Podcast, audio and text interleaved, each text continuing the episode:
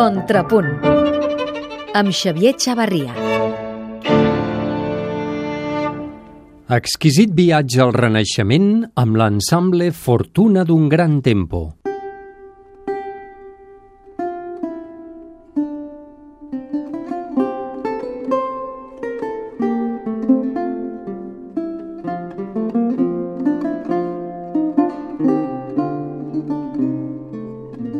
La Capella de l'Esperança, una petita joia del barroc tardà mig amagada al carrer Palma de Sant Just de Barcelona, va ser l'escenari ideal per recollit i íntim del concert de l'ensemble Fortuna d'un gran tempo, un conjunt dedicat a la música antiga que presta una especial atenció als repertoris inusuals dels segles XV i XVI.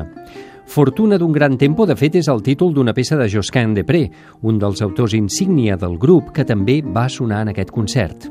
Meritxell Genís, que toca la viella, Eloi Foguet, que toca les flautes de bec, i Xavier Alern, que toca la viola de mà i el llaüt, són el nucli del grup, però sempre incorporen la veu en totes les seves propostes i en aquest concert hi van participar el contratenor Marc Guerris i el baix Pablo Acosta.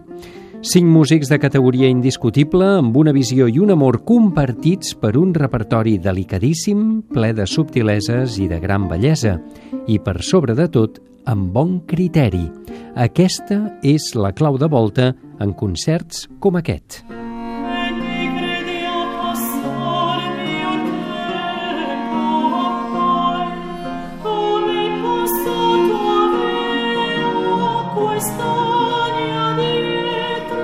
La major part de la música del 15 i principis del 16 és territori desconegut i inhòspit per al gran públic. Són músiques d'un món llunyà quan a instruments, harmonies, a sistema tonal o a temperament. Tot i ser la llavor de la música posterior, les sonoritats d'aquesta època són un desafiament per l'oïda del públic del segle XXI i tenen quelcom de críptic, de misteriós, de secret. Aquesta música és encara com un deliciós jeroglífic sense instruccions inapel·lables que permet als intèrprets fer-ne versions infinites i donar-los formes i colors molt personals. Les partitures deixen molt marge, les referències i la documentació són limitades, la praxi és incerta i, per tant, estem en mans dels músics.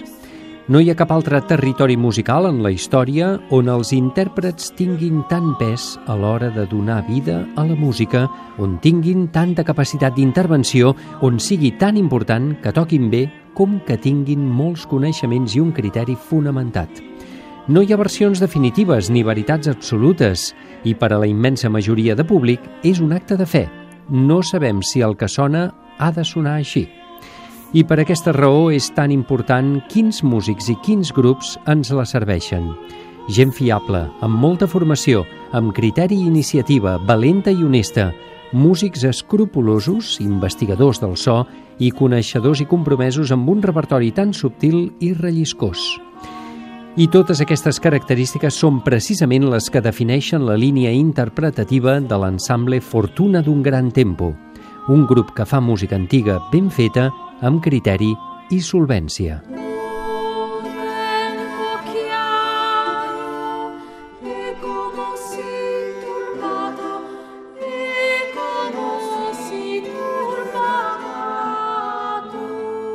Aquest concert, titulat Canzoniere, feia un recorregut musical molt lliure per les cors italianes dels segles XV i XVI, amb obres vocals i instrumentals del cançoner de Montecassino, de Guillaume Dufay, de John Dunstable, de Serafino Aquilano, de Josquin Depré, de Bartolomeo Tromboncino i d'autors d'origen català que hi van treballar com Pere Oriola, Joan Cornago o Benet Garret, Cariteo. Autèntiques sorpreses d'aquest concert. La combinació sonora que van aconseguir Meritxell Genís amb la Viella d'Arc, Eloi Foguet amb les flautes de bec i Xavier Alern tocant la viola de mà o el llaüt va tenir una coloració tènua i fràgil però de gran delicadesa a totes les peces. El contratenor Marc Guerris, amb una veu cotonosa, diàfana i sinuosa, de gran amplitud i molt flexible, va portar un toc íntim i dramàtic molt convincent a les seves intervencions, salvant alguns moments d'afinació delicada i va participar de l'especial patos d'alguns dels textos, especialment a la cançó Mille regrets de Josquin Depré, que va resultar emocionant.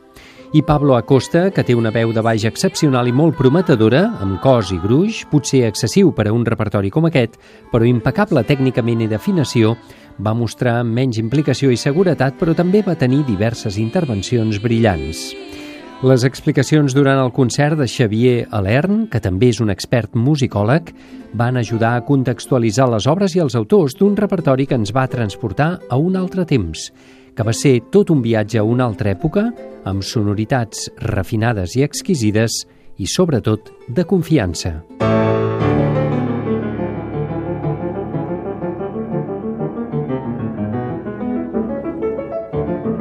Contrapunt amb Xavier Xavarria.